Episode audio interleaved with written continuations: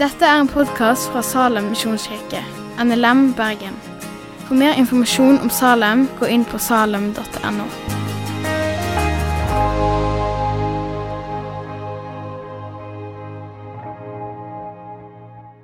Amen. Tusen takk, Turid. Du, Så stas å kunne få lov til å være sammen med dere. Har dere det bra? Bra, Takk for litt engasjement. Jeg eh, er jo god venn med Gjermund, så han ringte meg for lenge sa Daniel, kan du komme og preke hos oss. Og så sa jeg ja, så klart kan jeg gjøre det. liker deg.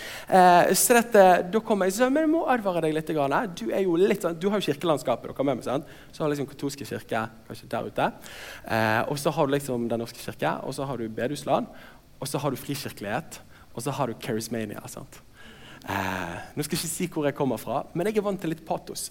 Eh, så, dette, så, han sa det er ikke sikkert det er like mye, men, eh, men jeg, jeg, merker at her er det mange smilende ansikter. Så det er veldig veldig kjekt. Eh, så dette, det er en glede å kunne få lov til å være sammen med dere. Jeg kommer fra denne byen her, er 29 år gammel, har kone og eh, si to koner, men jeg har én kone og to barn.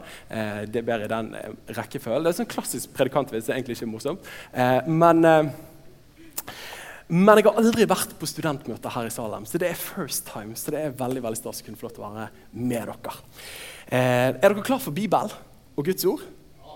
Bra. bra. Du, vi skal, eh, jeg forstår det sånn at Dere er i en visjonsserie der dere snakker nå i høst om visjonen deres. Hvis jeg har memorert den rett, så er det da vinne og Det er jo kirken deres. Vinne og Takk. Det skal jeg si til Gjermund. Du må lære det. Ja. Jeg vil bevare, utruste, og så Er det sende? Ja, er det, ja, det. ja, sende til Guds ære. Og I dag så har jeg gleden av å sparke av gårde to søndager der dere skal snakke om bevare. Og Vi skal til utgangspunkt i en bibeltekst som står i Lukas evangeliet, det 24. kapittelet.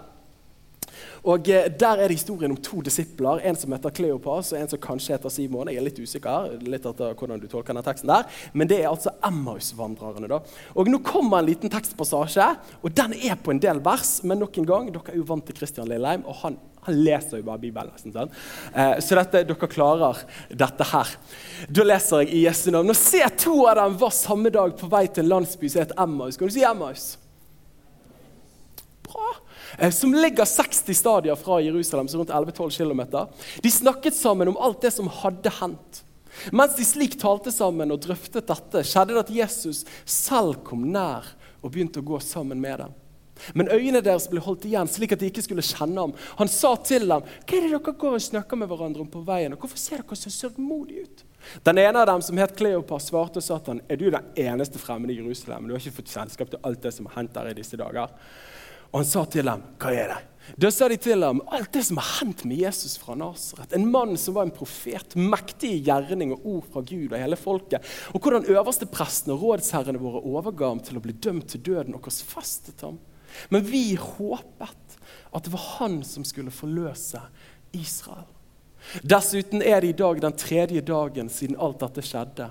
Ja, og noen kvinner iblant oss som kom tidlig til graven og oppskaket oss. De hadde ikke funnet kroppen hans, men kom og sa at de hadde sett et syn av engler som sa at han lever. Og Noen av de som var sammen med oss, gikk da til graven og fant det nøyaktig slik som kvenene hadde sagt. Men ham så de ikke. Da sa Jesus til dem, hvor uforstandige dere er, og trege av hjerte til å tro alt det som profetene har talt. Måtte ikke Kristus lide alt dette og så gå inn til sin herlighet? I det han begynte fra Moses og fra alle profetene, utland for dem, alt det som er skrevet om ham i alle skriftene. Så nærmet de seg landsbyen som de skulle til, og han ga uttrykk for at han ville gå lenger. Men de holdt ham tilbake og sa, 'Bli hos oss, for det lir mot kveld, og dagen er snart omme.' Han gikk da inn for å bli hos dem, og det skjedde mens han satt til bords med dem, at han tok et brød, velsignet det og brøt det og ga det til dem. Da ble øynene deres åpnet, og de kjente ham igjen. Og han ble usynlig for dem. De sa til hverandre, brant ikke hjertet vårt i oss da han talte med oss på veien, og da han åpnet Skriftene for oss? Så brøt de opp med det samme og vendte tilbake til Jerusalem. Og De fant de elleve og de som var sammen med dem, og de sa, 'Herren er virkelig oppstått og har vist seg for Simon.' De fortalte om det som hadde hendt på veien, og hvordan de gjenkjente ham da han brøt brød. Wow! Dere var flinke å høre etter. Hvordan bevarer Gud oss, har jeg lyst til å tale over i løpet av de øyeblikkene som vi deler her. Jeg vil altså be en bønn til. Jesus, Herre, jeg takker deg for at vi får lov til å stå under ditt ord i dag. Og Jeg ber deg, Herre, om at de øyeblikkene vi deler, ikke bare skal være en ny preken, noen formuleringer eller fraser, men at vi skal få erfare det Emmaus-vandrerne erfarte, og møte deg. I Jesu navn. Amen. Amen. Du, jeg eh, har vokst opp i kristen, eh, kristen setting. Det er flere av dere her inne som liksom har svart belte i søndagsskolekunnskap. Det er en del av dere. Og vet du hva? Jeg har vært med på så utrolig mye festlig når det kommer til menighetsliv. Altså, jeg husker i den kirken jeg vokste opp i, Det gøyeste jeg visste når det var lovsang, det var liksom å bare løpe rundt i salen. Det var kjempegøy. Det syns sikkert de voksne òg. Eh, altså, jeg husker eh, jeg pleide å rømme fra søndagsskolen. Det var min greie. For at vi skulle kjøpe slush etter søndagsskolen var ferdig. Jeg har vært på leirer, jeg har vært med på kleine talentiader og underholdningskvelder. som sikkert mange av dere har vært hvis du har vært på kristen leir én gang. Eh, det kan være en begredelig opplevelse. Jeg har eh, pranket folk, jeg har eh, vært ungdomsleder og gjort ting en ungdomsleder ikke burde gjøre, og liksom skremt ungdommene som er leder. Er ikke bra. Sant? Jeg har gjort, vært med på mye greier og er utrolig takknemlig for det. Så takknemlig at jeg og min kone og flere av våre venner fant ut at vi må starte en kirke i Åsane bydel. Og Det har vi gjort nå de siste årene, og det er fantastisk. Men den tingen som er det tristeste når jeg ser tilbake på min reise i menighetsliv, det er de menneskene jeg en gang sto der med løftede hender og sa Jesus, vi elsker deg. Men som i dag, når jeg snur meg, så er de ikke der. Eller de menneskene som jeg var på leir med, og så var det misjonstaler. Og bare sånn 'Will you go to the nations?' Og vi bare 'Ja, vi vil go to the nations!' Og så løpte vi fram der, og så ga vi oss over til et liv i kall og etterfølgelse av Kristus. Men i dag så er de ikke der. Og Det kan være mange forklaringer på det, og det skal vi snakke litt mer om. Men i 2011 kom det ut en bok som het 'You Lost Me', som er skrevet fra et amerikansk perspektiv fra Barna Research Group. Der de hadde gjort en undersøkelse og der det viste seg at rundt 70% av ungdomsgenerasjonen, millennials, som vokste opp i evangelikale kirker i midten av 20-årene, så var de ikke en aktiv del av et menighetsfellesskap. Og så sier de som har litt peiling på sånne ting, som ikke har P-matte, men T-matte jeg har P-matte, eh, de sier at de tallene ikke så veldig annerledes i Norge òg. Og det er ikke bra.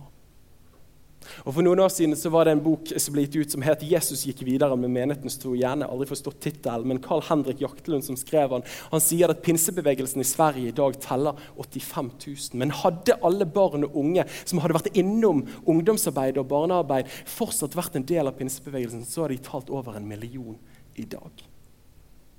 Er dere med meg? Og så sier han tar du de andre konfesjonene og kirkesamfunnene og adderer de opp, så hadde det vært godt over to millioner av aktive menighetsfolk i Sverige. Og det er nok ganske overførtbart til Norge. Daniel, dette var en pessimistisk innledning. ja, jeg vet det. Men vi har nødt til å, å bare stille diagnosen litt rett. Og inn i dette her, dette landskapet som du og meg er en del av i en sekulær og en postmoderne tid, hvordan bevarer Gud oss i troen? Og Det har jeg lyst til å snakke om. Og kanskje litt mer positivt, hvordan kan vi ha en tro som varer? Men òg som vokser. Midt i den kulturen og det klimaet som vi alle er en del av. I, videre i den boken der så snakker, eh, så snakker, David Kinnaman som skrev den boken, om at du kan kategorisere disse 70% i tre ulike grupper. Daniel, Hvorfor er det nødvendig? Jo, I andre korinterne, eh, andre kapittelet og det ellevte verset, så snakker Paulus om at djevel vi er ikke uvitende om hvilke, hva han har i sinne. Det var litt rart å ta opp. Vi er ikke imponert av djevelen. Men det er noe med det at Paulus sier at, at vi vet om noe av farene.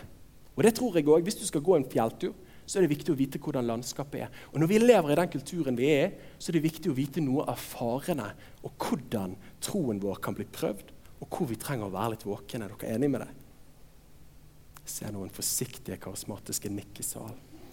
Jeg liker det.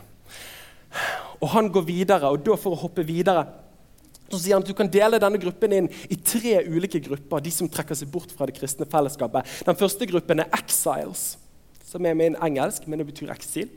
Eh, og Det handler om at det er folk som har en tro, Men som opplever at spennet mellom church kirke, eh, nå må jeg slutte å snakke dobbelt her, mellom kirke og kulturen kan bli litt vanskelig å håndtere. Det du lærer på søndagsmøtet, og, og, du hører liksom det står skrevet, og så kommer du på høyskolen eller på universitetet på Øydene, så, det, så, snakker ikke de om det som står skrevet, men de snakker om hva tenker du. Eh, og så opplever man at det spennet kan være litt sånn vrient å balansere. Og så sier han at Når de har vært i det spennet for lenge og de ikke klarer å komme ut av det, så beveger de seg av og til over til en nomadegruppe.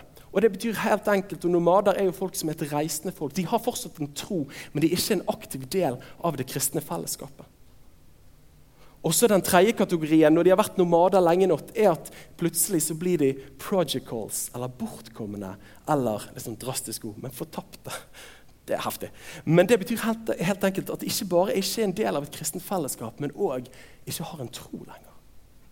Og jeg synes De kategoriene de står jo ikke i Bibelen, men de er ganske beskrivende. og jeg tror at I den teksten som vi leste nå, så ser vi noe av den samme bevegelsen. Disse to disiplene at de begynner å bevege seg på denne retningen her, fra å være ihuga disipler til å bevege seg bort ifra det kristne fellesskapet og begynne å stille spørsmålstegn med troen. Daniel, hva mener du med det? Jo, vi leste første stikkordet at de er på vei bort fra Jerusalem. De var på vei til en by som het Emmaus, og det er jo litt billedlig talt, men de er på vei bort ifra det kristne fellesskapet. Hvor var det kristne fellesskapet? Det var jo i Jerusalem. Hvor var det mesteren hadde vært? Jo, Klimakset av hans tjeneste hadde jo bygget seg opp til at han skulle komme til Jerusalem. Det var der Jesus hadde vært, det var der disiplene var samlet. Men de var på vei bort fra det kristne fellesskapet.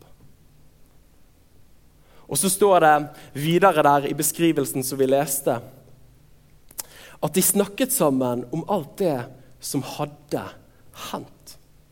De snakket om alt det som hadde skjedd. Og mine venner, som jeg en gang løpte sammen med og delte tro og engasjement med Ofte så ser jeg tendensen at når man begynner å snakke mer om det som har skjedd, enn det som nå skjer, så er det ofte en litt skummel utvikling når det kommer til trosreisen. Det står at de snakket om alt det som hadde hendt. Man begynner å dekonstruere, man begynner å knekke opp. Hva er det egentlig jeg har vært med på i det kristne fellesskapet? Hva var det egentlig vi trodde på? Og så får man det der kritiske blikket. Og Det er ikke alltid dumt med et kritisk blikk. Ikke slakt, slakt med liksom alle studenter. så nå liksom læres dere opp med liksom historisk kritisk blikk på alt.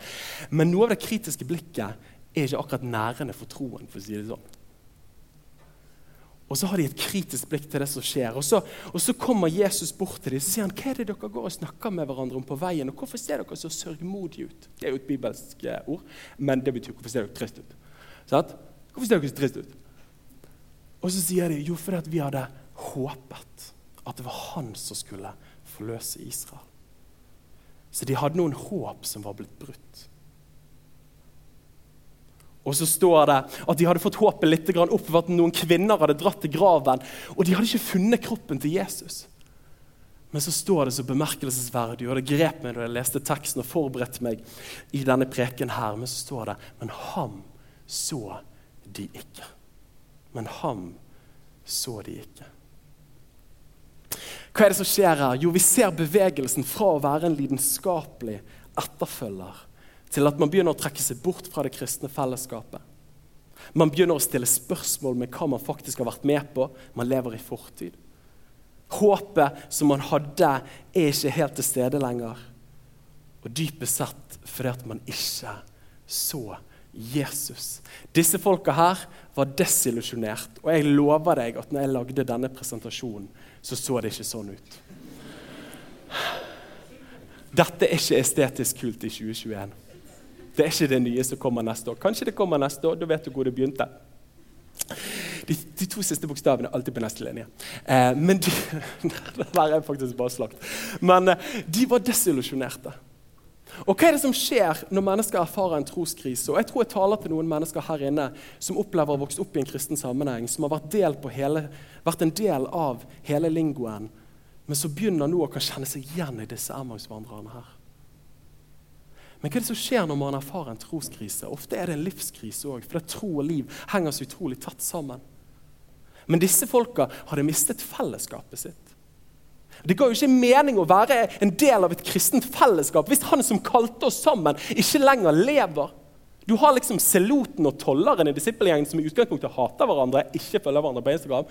Og så forsvinner han som klarte liksom å skape fellesnevneren. Det vil si, ikke kjønnslitt, jeg henger med han lenger. Sånn, de er på vei bort fra det kristne fellesskapet. Jesus hadde snakket om misjon og liksom verdens ender. Det gir jo virkelig ikke mening å satse livet mitt i potten når han som sa det, ikke lenger lever. Kan jeg stole på det oppdraget han da ga? Så, dere med meg? så de beveger seg bort fra fellesskapet, bort fra oppdraget. Og så tror jeg òg noe av det vonde når man erfarer å være desillusjonert i troen, er at man òg mister noe av selvforståelsen sin. Jeg var jo en disippel. Men hvis ikke jeg ser Jesus, er jeg da en disippel? Osv. Heng med meg. Og Dette her er vonde opplevelser, og dette er noe av grunnen tror jeg, til at mennesker forlater det kristne fellesskapet. Man tar ut distanse, og man begynner å stille spørsmål. Man er desillusjonert. Og Du kan kline på flere grunner. Noen har brent seg på det kristne fellesskapet. Noen har vonde opplevelser. Noen klarer ikke vitenskap og tro å få det til å gå opp, osv. Men jeg har lyst til å si til deg at hvis du er her i dag, og du erfarer akkurat det, syns jeg noe av det vakreste i denne teksten her, er hvordan Jesus møter dem. Er dere enige? Jesus kommer ikke der og bare sier smakk, smakk, smakk, smakk, skjerp dere. Nei, det står at Jesus, mens de snakket sammen, så kommer Jesus nær. Og så går han sammen med dem. Jeg bare elsker det bildet. Hvis du er og du erfarer at spørsmålstegn har blitt større enn utropstegnet, så er Jesus mest sannsynlig nærmere enn du tror. Og Istedenfor å liksom komme med en forelesning og skal belære de, si at folk, dere har virkelig strøket i søndagsskolekunnskapen. Jeg trodde dere hadde dette. Jeg var tre år sammen med dere. Come on, liksom. Så spiller han dum og sier hva er, dere, hva er det dere går og snakker med hverandre om på veien? Jeg bare, jeg bare sånn, Er du seriøs, Jesus? Hva de snakker med hverandre om? Det er jo deg! Men hva er greien der? Jo, Jesus møter oss virkelig der vi er. Og det som er vår opplevde virkelighet. Og Noen har sagt det så bra at Jesus møter oss ikke der vi burde være. Men Jesus møter oss der vi er. Men så elsker han oss for mye til å la oss forbli der vi er. Og så tar han dem på en reise, og jeg elsker det. Han møter dem i deres verden, deres virkelighet, deres smerte, deres opplevde behov. Og så sier han jeg anerkjenner det du erfarer. Men jeg har lyst til å lede deg over til den virkelige virkeligheten og verden, som er den virkeligheten som Jesus er. Og så Salmisten sier i Salme 36, vers 10 så sier han hos deg, Gud, er livets kilde. I ditt lys ser vi lys. Og disse disiplene her trengte å oppleve en klisjé. Daniel, hva er det for noe? De trengte å se lyset. Så De var desillusjonerte, og de trengte å bli illuminert. Og det så mye penere ut. Og det betyr jo helt enkelt å bli opplyst. Og Vi trenger av og til å lære oss å tvile på tvilene våre før vi tviler på troen vår. Daniel, Hva handler dette her om, siden du snakker om dette? Jo, hvordan bevarer Gud oss? Jeg tror Gud bevarer oss, men det er ikke sånn at det er uavhengig av hvordan vi lever, tenker og praktiserer troen vår. Og Da kommer Jesus nær til dem, og så kommer bergenserne Jesus fram. Og så sier han, og dette her er jo ikke veldig sånn 2021 sjelesorgrisk Du kan jo prøve å ta din sjelesorgsamtale med studievenninnen din eller kompisen din. Hvor uforstendige dere er. Og trege av hjertet til å tro alt det som profeten har talt. Og så begynner han fra Moses og profetene å legge ut alt det som er skrevet om Jesus. Og så står det at mens de brøt brødet, at deres øyne ble åpnet, og de kjente han igjen. Og deres hjerter begynte å brenne. De var da på vei fra å være aktive disipler til å bli eksiler, og på vei til å være nomader og bort ifra det kristne fellesskapet og etter hvert troen.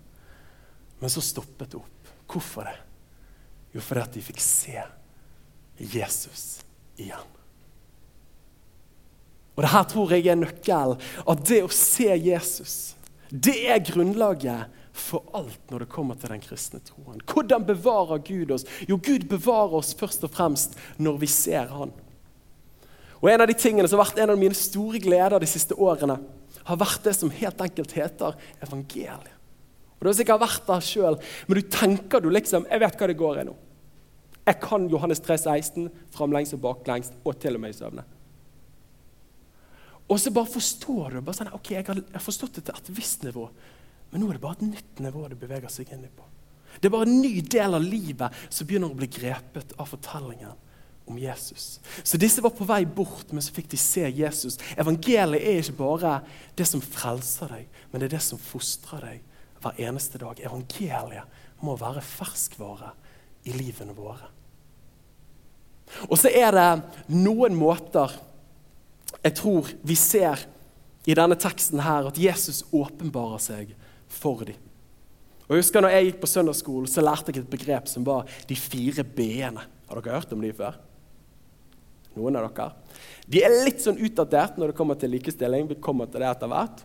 Eh, men, eh, men jeg tror disse fire b-ene her ser vi i denne teksten. Og helt enkelt hvordan bevarer Gud oss? Jo, jeg tror Gud har gitt oss noen ulike nådemidler. Kaller vi det i teologien. Men måter vi kan møte Gud på. Er du klar?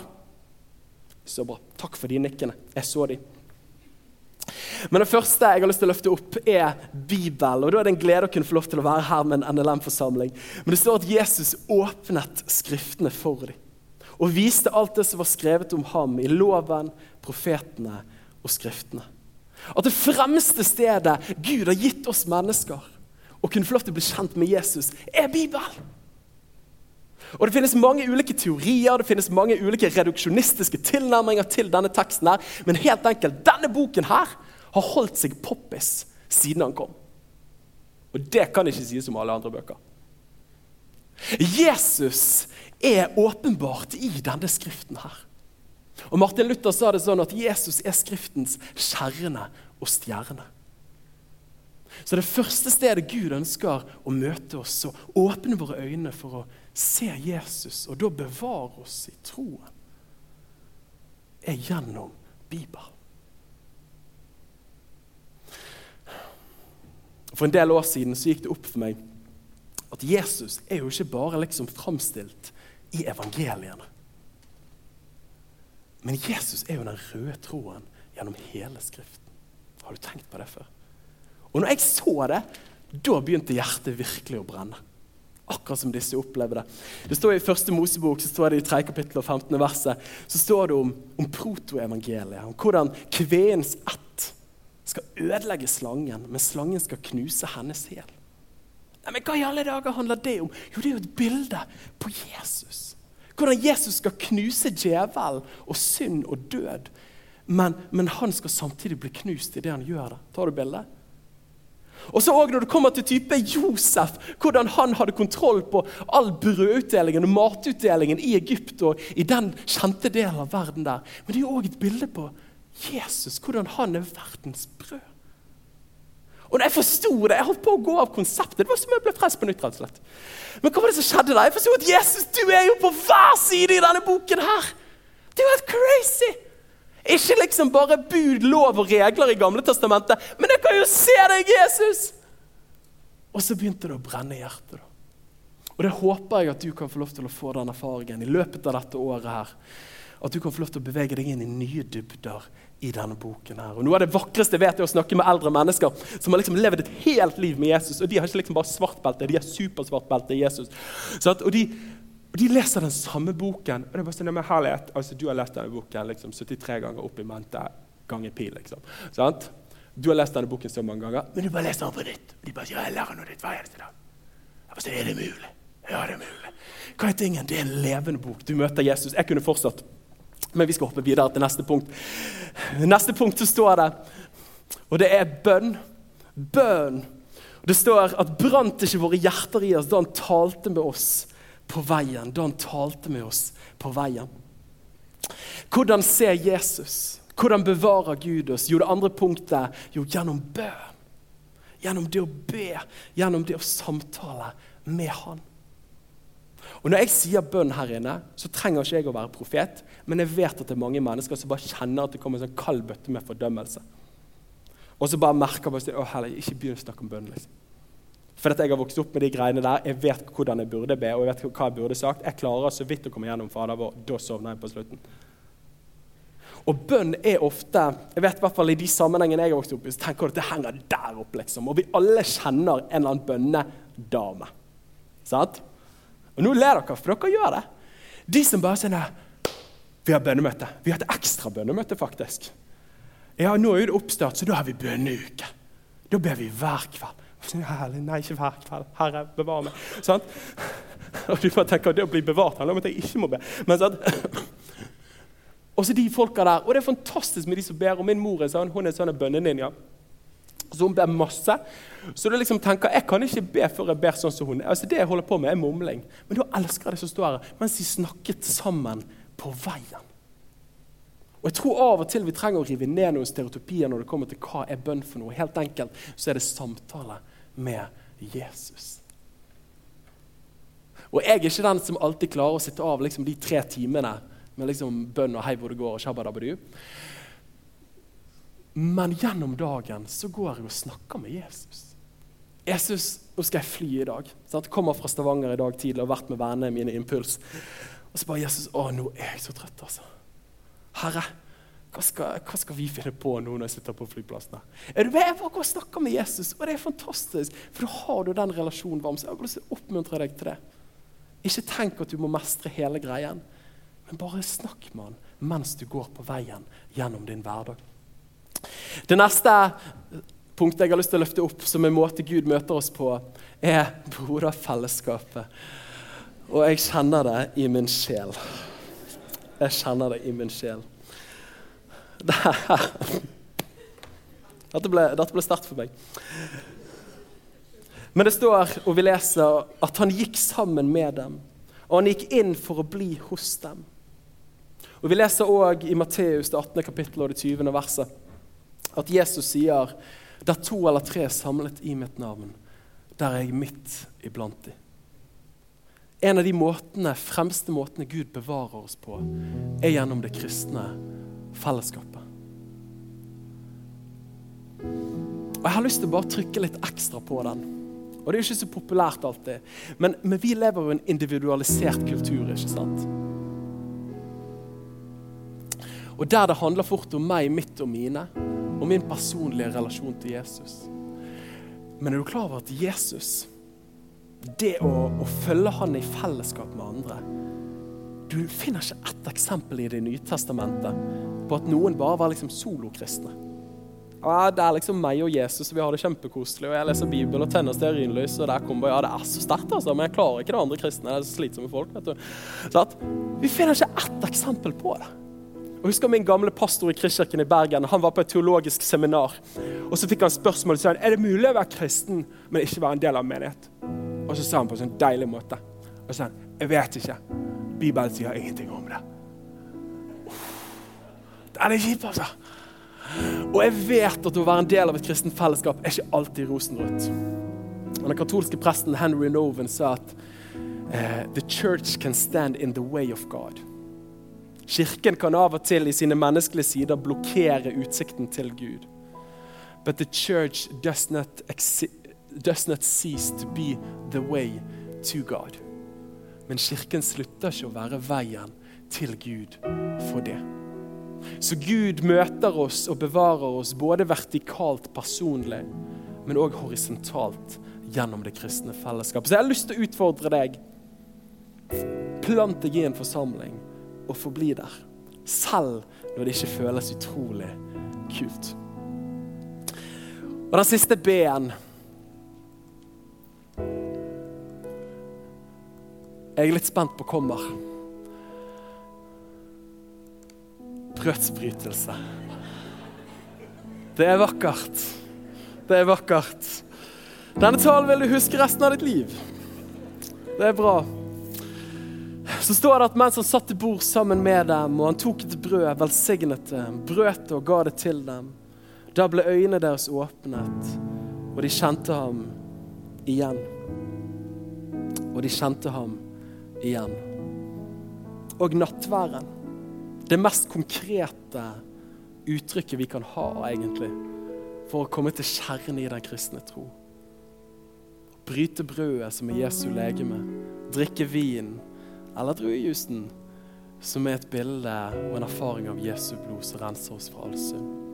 Jeg må være ærlig med dere at jeg har ofte tenkt at det er litt sånn OK, dette er noe vi alltid gjør. Men vi gjør det, og jeg er pastor, så vi gjør det. Men i koronatiden så hadde jeg en kone som sa Daniel, jeg lurer på om vi skal feire nattverd hver dag. Jeg bare, det er OK, la oss gjøre det. Og vet du hva, det har vært en fantastisk opplevelse. Det å kunne få lov til å bli nullstilt og bli minnet om kjernen i den kristne troen. En av de fremste måtene Gud bevarer oss på. Så de, disse disiplene her går fra å være desillusjonert til å bli illuminert ved at de får se Jesus igjen. Og hva er det som skjer? Jo, de blir engasjert igjen. Daniel, hva mener du med det? Jo, det står rett etterpå, som vi leste i teksten, så brøt de opp med det samme og vendte tilbake til Jerusalem. De fant de elleve og de som var sammen med dem, altså menigheten. De vendte tilbake igjen til det kristne fellesskapet. Og så sa de til dem, Herren har virkelig oppstått. De begynte jo å forkynne et misjonsbudskap og vendte tilbake til oppdraget. Ja, men, men, hva er greien der? Jo, jeg tror at mange av oss kan erfare i livet vårt at vi kan bli desillusjonert. At vi kan begynne å stille spørsmål. Vi opplever at vi er på vei bort ifra fellesskapet og misjonen og det vi en gang sa ja til. Men så er svaret på hvordan bevarer Gud oss fra at vi drifter bort. Og jeg tror det er flere her inne som kan kjenne det spennet, den dragningen, at de er på vei bort ifra der de en gang har vært med Jesus. Lidenskapen er ikke den samme. Hjertet brenner ikke slik som før. Spørsmålet er flere enn utropstegnet. Men hvordan bevarer Gud oss da? Jo, jeg tror det fremste måten er at han lar oss få øye på Jesus igjen. Og det var det som skjedde med disiplene her. De fikk se Jesus igjen. Hvordan ha en tro som varer. Sørg for at du setter deg i en posisjon der du kan få se Jesus. Hvordan ha en tro som vokser. Se Jesus. Og hvordan er måter Gud åpenbarer seg sjøl på? Jo, gjennom Bibelen gjennom bønn. Gjennom broderfellesskapet, la oss si søskenfellesskapet, selv om bokstavrimet ikke går opp. Men òg brødsbrytelsen av å feire nattverd. Jeg har lyst til å gi de fire konkrete praksisene til deg for det skoleåret og den høsten du går inn i. Sørg for at du har noen gode praksiser som tar deg mot han. Så jeg har lyst til å avslutte med et av de versene som virkelig står ut for meg, og kanskje et av mine favorittvers, men Hebreabrevet i det tolvte kapittelet så sier forfatteren i det første og andre verset så sier han at, at la oss derfor, siden vi har en så stor sky av vitner rundt oss, tidligere kristne som har gått foran oss, som er i himmel, akkurat som i en tribune, og de heier oss fram. Og de sier 'Jeg vet hva dere går gjennom, jeg ser pushet', og de heier oss fram. Siden vi har en så stor sky av vitner, La oss da ligge av enhver byrde. Byrder kommer. Byrder tror jeg vi alle har erfart. Og synden som så lett fanger oss. Og la oss løpe med utholdenhet i den kampen som ligger foran oss. Og det er en kamp, og det tror jeg mange erfarer her inne, eller vil erfare. Der det er krefter som vil trekke oss bort. Men Gud bevarer oss.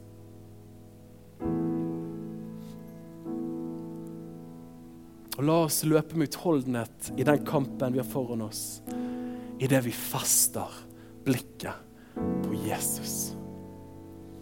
Han som er troens opphavsmann. Hvis du sliter med å tro, så begynner tro hos han. Han er opphavsmann for tro. Se på Jesus. Og han som er troens fullender. For deg som trenger å vokse videre i troen, så er svaret fortsatt Jesus.